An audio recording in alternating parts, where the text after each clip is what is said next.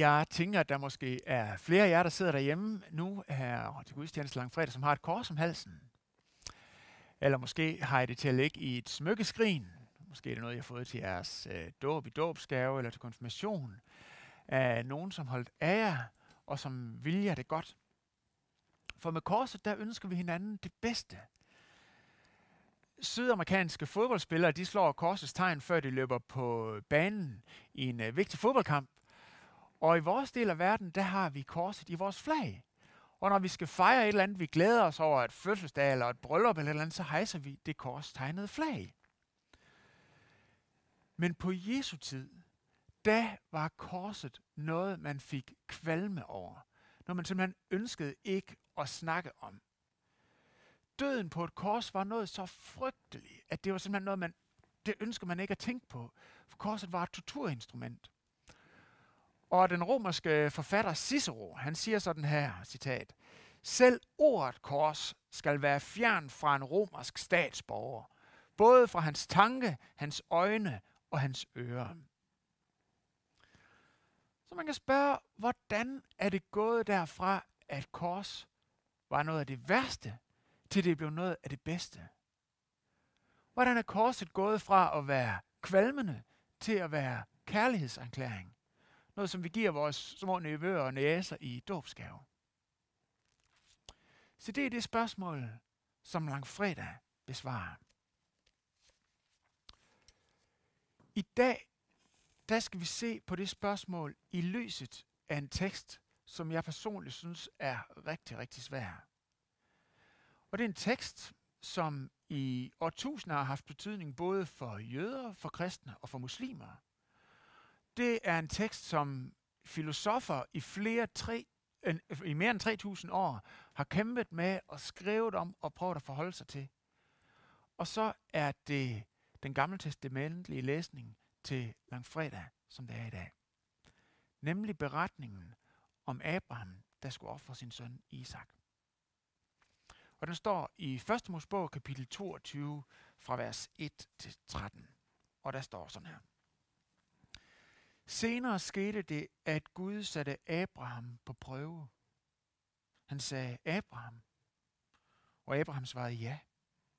Og han sagde, tag din søn Isak, din eneste søn, ham du elsker, og begiv dig til Morialandet. Der skal du bringe ham som et brandoffer på det bjerg, jeg vil give dig besked om. Tidligt næste morgen sadlede Abraham sit æsel, tog sine to karler og sin søn Isak med. Og da de havde kløvet offerbrændet, begav han sig på vej til det sted, Gud havde givet ham besked om. To dage efter fik Abraham øje på stedet i det fjerne og sagde til karlene, Bliv her med æslet, mens jeg og drengen går derhen for at tilbede. Så kommer vi tilbage til jer.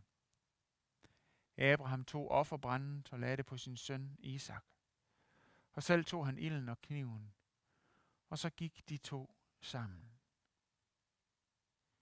Isak sagde til sin far Abraham, Far. Og Abraham sagde, Ja, min dreng. Og Isak sagde, vi har ilden og brændet, men hvor er offerlammet? Og Abraham svarede, Gud vil selv udse sig et offerlam, min dreng. Og så gik de to sammen. Da de kom til det sted, Gud havde givet ham besked om, byggede Abraham et aldre og lagde branden til rette. Og han bandt sin søn Isak og lagde ham oven på branden på aldret. Så rakte Abraham hånden ud og tog kniven for at slagte sin søn. Men Herrens engel råbte til ham fra himlen, Abraham, Abraham! Og han svarede, ja.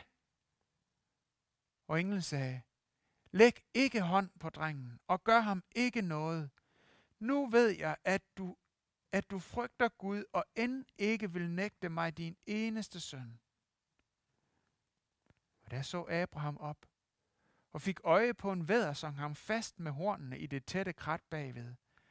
Og Abraham gik hen og tog væderen og bragte den som brandoffer i stedet for sin søn.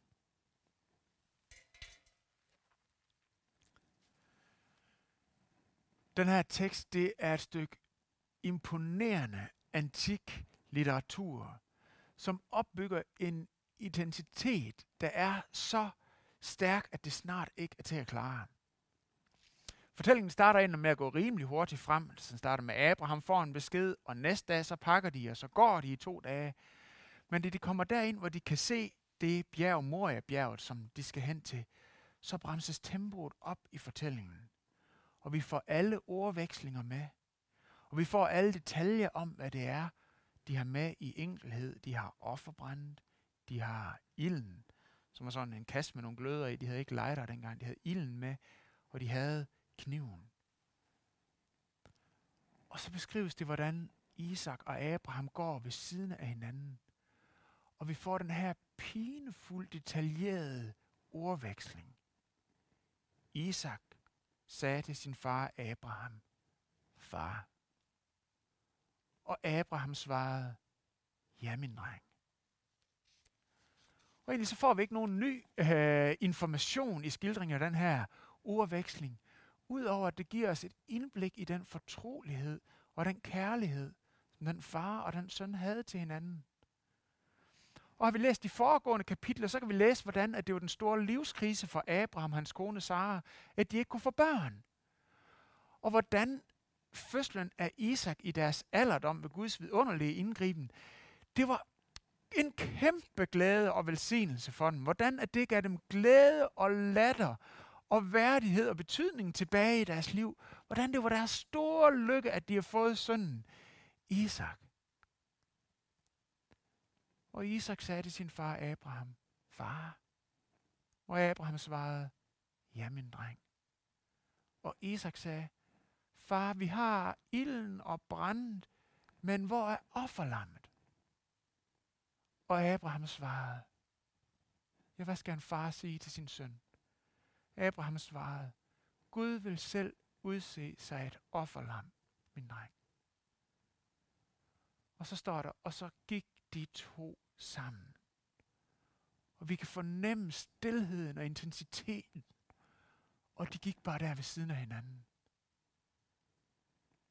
Og stillheden og intensiteten er så tyk, at vi næsten kan fornemme, at vi kan skære i den. For hvor er lammet? Isak er den eneste, der ikke kender svaret. Abraham ved det, vi som læsere ved det. Og svaret er, Isak, du er offerlammet. Jamen det er jo hjerteskærende. Immanuel Kant, som er oplysningstidens store filosof, siger i sin øh, gennemgang af det her, at Abraham burde have brugt hele tiden, mens de gik op ad Moria lav på at argumentere over for, Is- øh, over for Isak, og forklare ham og forklare ham og forklare ham. Og en anden øh, filosof, der hedder Eli Wiesli, der er jødisk filosof og holocaust overlever, siger, Gud skulle aldrig have testet Abraham på den her måde, og Abraham skulle aldrig have gået ind på det. Og Søren Kierkegaard, vores egen dansk filosof, siger i sin behandling af den her beretning i sit skrift Frygt og Bævnen, at det er et eksempel på, hvordan kristendommen bevæger sig ud i det komplet, komplet irrationelle. Og responsen for de her filosofer bekræfter, at der er noget uforløst, noget i den grad uforløst. Et spørgsmål i det mysterium, som kræver et svar, som må findes på toppen af det bjerg, de er på vej hen imod. For hvorhen er forløsningen i den her frygtelige historie? Eller, sagt som Isak, han spørger, hvor er lammet? Hvor er svaret, hvor er forløsningen på det her frygtelige, som er ved at blive skildret? Lad os prøve at grave lidt dybere i beretningen. Vi skal som læser være opmærksom på, at det her ikke kun er et spørgsmål om, at Abraham fik besked på at dræbe sin søn. Det kunne han have gjort hjemme bag ved teltet. Det burde ikke have taget så lang tid. Hvis det skulle være, de behøver sikkert have taget en hel ekspedition afsted med en masse folk i flere dage. Men sagen er, at her er tale om et offer. Eller mere specifikt, specifikt et brandoffer. Og brandoffer var i, øh, på det her tidspunkt i det gamle testamente et offer, som indikerer, at hele livet tilhører Herren. Hele vores liv, alt vi har, selve det, at vi får lov til at leve, tilhører Herren. Og Abraham var vant til at bringe ofre. Fordi ofre var en måde at sige det på, en tilbedelse af Gud, hvor man sagde, jeg tror på, at der er noget, der er større i det her liv end mig selv. Tilværelsen består af mere end det, der kan måle og veje, så det mine sanser kan opfatte. Jeg er skabt af Gud, jeg er skabt til ham, og tilværelsens formål ligger i at være i en ret relation til ham. Det er ham, jeg tilhører, og det er ham, jeg er ansvarlig overfor. Og med ofre, der kunne deres relation til Gud forblive intakt. Og lammet repræsenteret med der med den eneste måde, hvorpå vi kunne fortsætte vores liv med håb, med mening, med betydning, med formål. Og det meningsfulde og smukke liv, som de og vi får lov til at leve, og som vi har ansvar for at leve, er kendetegnet ved det, som Jesus han kalder det dobbelte kærlighedsbud. Nemlig det, du skal elske Herren din Gud af hele dit hjerte, hele dit sjæl, hele dit sind og hele din styrke. Og du skal elske din næste som dig selv. Og realiteten er, at sådan lever vi ikke. Alle kan se det. Man behøver sikkert være kristen for at komme frem til den konklusion. Vi lever ikke på en måde, så vi elsker vores næste som os selv, og vi lever heller slet ikke på en måde, så vi elsker Gud af hele vores hjerte, hele vores sjæl og hele vores sind og hele vores styrke. Og det er årsagen til, at verden er noget rod. Og alle kan se det. Og Bibelen siger helt klart, at der er en konsekvens af vores svigt og vores ulydighed, og den konsekvens er død. Og derfor er der behov for et offer. I det gamle testamente, som i så mange andre antikke kulturer, der repræsenterede den første fødte søn familiens ære, familiens håb, familiens fremtid, ja, familiens drøm om forløsning, familiens drøm om, at ting kunne blive bedre, at ting kunne blive anderledes. Og sådan er det i mange traditionelle øh, øh, kulturer. Vores isakker er vores håb, vores ære, vores fremtid. Og faktisk så er det ikke så meget anderledes med vores tids ønskebørn, vores tids projektbørn i vores del af verden. Dengang var det bare mere eksplicit. Men i, øh, i Gamle Testamentet i 2. Mosebog 13 og i 4. Mosebog kapitel 3 og kapitel 18, der siger Herren, jeres første fødte tilhører ikke jer selv, jeres første fødte tilhører mig. I står i gæld til mig med jeres liv på grund af synd. Men hvis I betaler fem sekel, det er sådan en møntfod, hvis I betaler fem sekel og bringer det ofre, så vil jeg tage imod det, i stedet for at modtage jeres søn. Og så kan I fortsætte jeres liv. Så spørgsmålet om offringer er ikke bare et spørgsmål om, hvor er lammet altså sådan med, med forståelse af, med frygt for liv, men det er et spørgsmål, der betyder meget mere. For hvis ikke der er noget lam, så er der ikke nogen fremtid. Så er der ikke noget håb, så er der ikke noget mening, så er der ikke noget formål. Der var meget mere i det, så hvis ikke der er noget lam, så lad os spise og drikke, for i morgen kan vi dø, så kan det hele gøre lige meget. Så spørgsmålet, hvor er lammet? Er et kæmpe spørgsmål, for det handler om fremtid, det handler om håb, det handler om mening, det handler om formål. Okay. Så vidt ofre. Men den her test, som Abraham får med at ofre Isak, det er jo crazy. Det er jo kvalmende. Hvorfor er der, man kan spørge, hvorfor er der ikke noget mere skræk indjagende at se for sig, en far stå med kniven klar til at ofre sin søn? Hvorfor reagerer vi? Hvorfor reagerer vi så stærkt følelsesmæssigt på sådan en historie? Det gør vi, fordi det er forkert. Det gør vi, fordi vi instinktivt mærker, det her, det er forkert. Det er kvalmende forkert. Det er forkert ud over alle grænser. Ingen skal dræbe nogen som helst, og slet ikke en far sit eget barn. Det er forkert. Og jeg ved ikke, om I har det ligesom mig. Efter jeg selv er blevet en far, kan jeg snart ikke holde til at se film, hvor børn lider. Fordi jeg mærker, at det er forkert. Sådan skal det ikke være. Børn skal ikke lide. Og som forældre kan vi mærke, at det der, det er bare forkert. Og vores følelsesmæssige respons på beretninger som den her, er med til at bekræfte, at der findes moralske absolutter i den her verden. Der findes rigtigt og forkert i den her verden. Der er noget i den her verden, der er smukt og godt og rigtigt. Og der er noget, der er forkert. Der findes moralske absolutter. Livet er helligt. Men alligevel så dør Isaker. Børn dør. Jeg vil en dag dø. Og alle jer, som sidder derhjemme og ser med på streaming, vil højst sandsynligt en dag dø. Vi reagerer instinktivt på fortællinger som den her, fordi vi ved, at død er forkert. Men samtidig der lever vi liv, hvor døden kommer til os alle. Vi reagerer med andre ord på paradokset i vores eget liv. Vi reagerer instinktivt følelsesmæssigt på fortællinger som den her, fordi den afspejler en spænding i vores eget liv. Og når alt kommer til alt, så spørger vi alle sammen, ligesom Isak, hvor er lammet? Hvor er meningen? Hvor er forløsningen? Hvor er håbet? Hvor er fremtiden? Hvor er formålet? Hvor er lammet?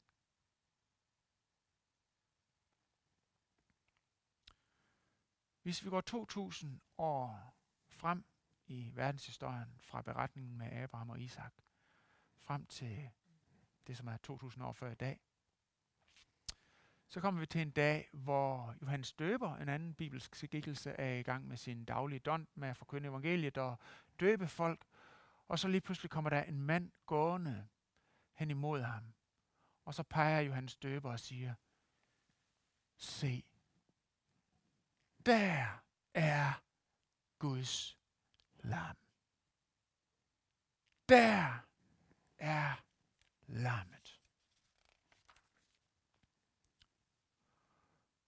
Og på Moria bjerg, hvor Abraham byggede offer til al, øh, alder til offer Isak, der blev der senere bygget en by, nemlig Jerusalem.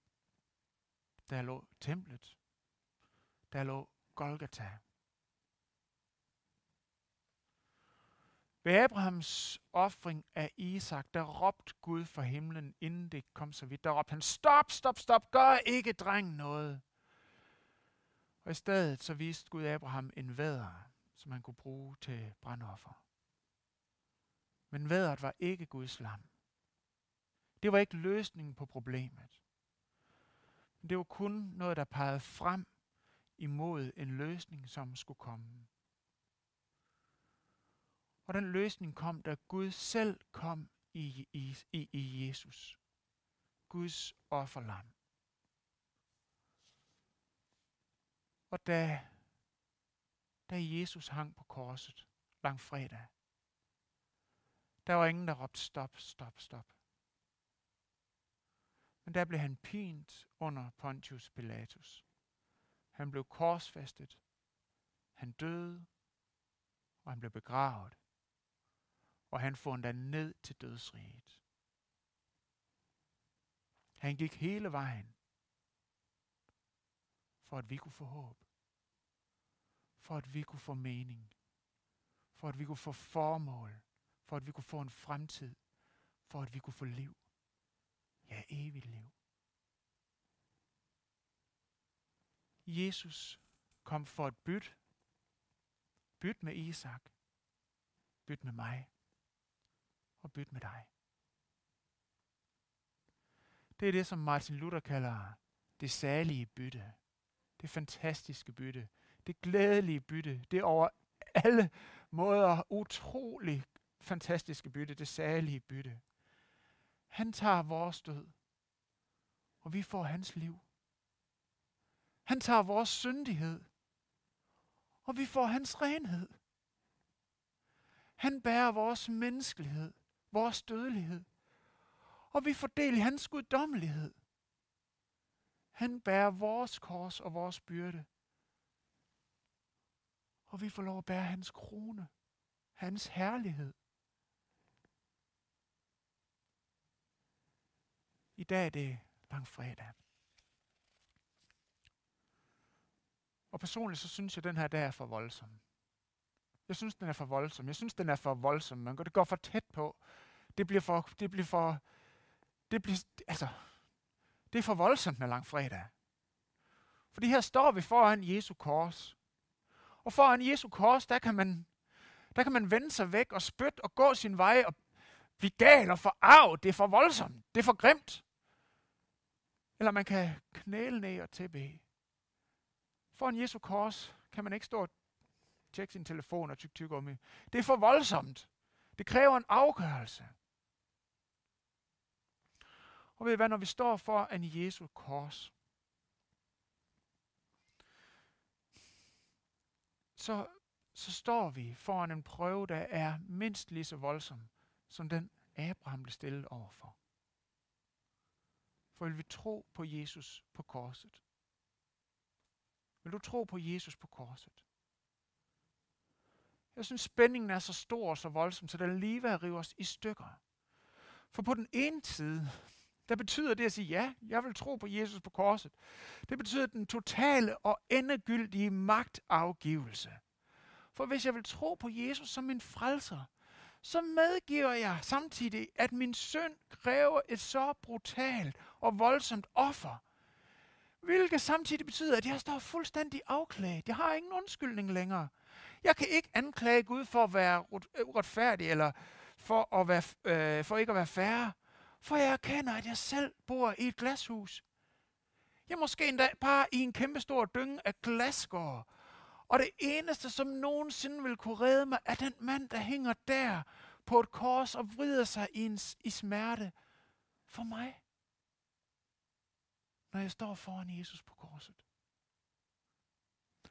Og på den anden side, så er korset den største og mest endegyldige og mest uimodsigelige og uforbeholdende kærlighedserklæring.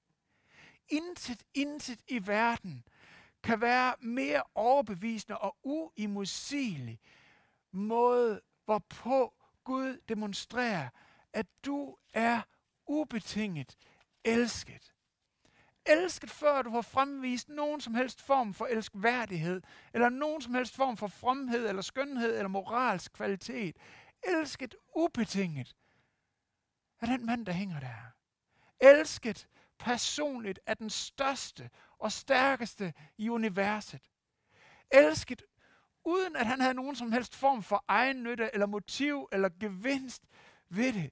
Jesus han havde ingen personlig gevinst ved at hænge på korset, ud over og vise dig sin kærlighed, ud over det, som du kunne få ud af det. Han havde ingen form for egen nytte. Elsket med en 100% ubetinget, uimodståelig, 24 karat for evig og altid kærlighed til dig. Elsket, bare elsket, af den reneste kærlighed, du kunne finde noget som helst sted på den her jord. Det er langfredag. Vi står foran korset. Det rationelle rækker ikke længere. Det er et skæbne valg. Det er et essentielt valg. Det er et trosvalg. Og for Jesus på korset, der lyder det spørgsmål til dig. Vil du tro på mig? Vil du tro på korsets gåde? vil du modtage det særlige, hellige bytte. Vil du tro på, at jeg er lammet, der bliver offret for dig?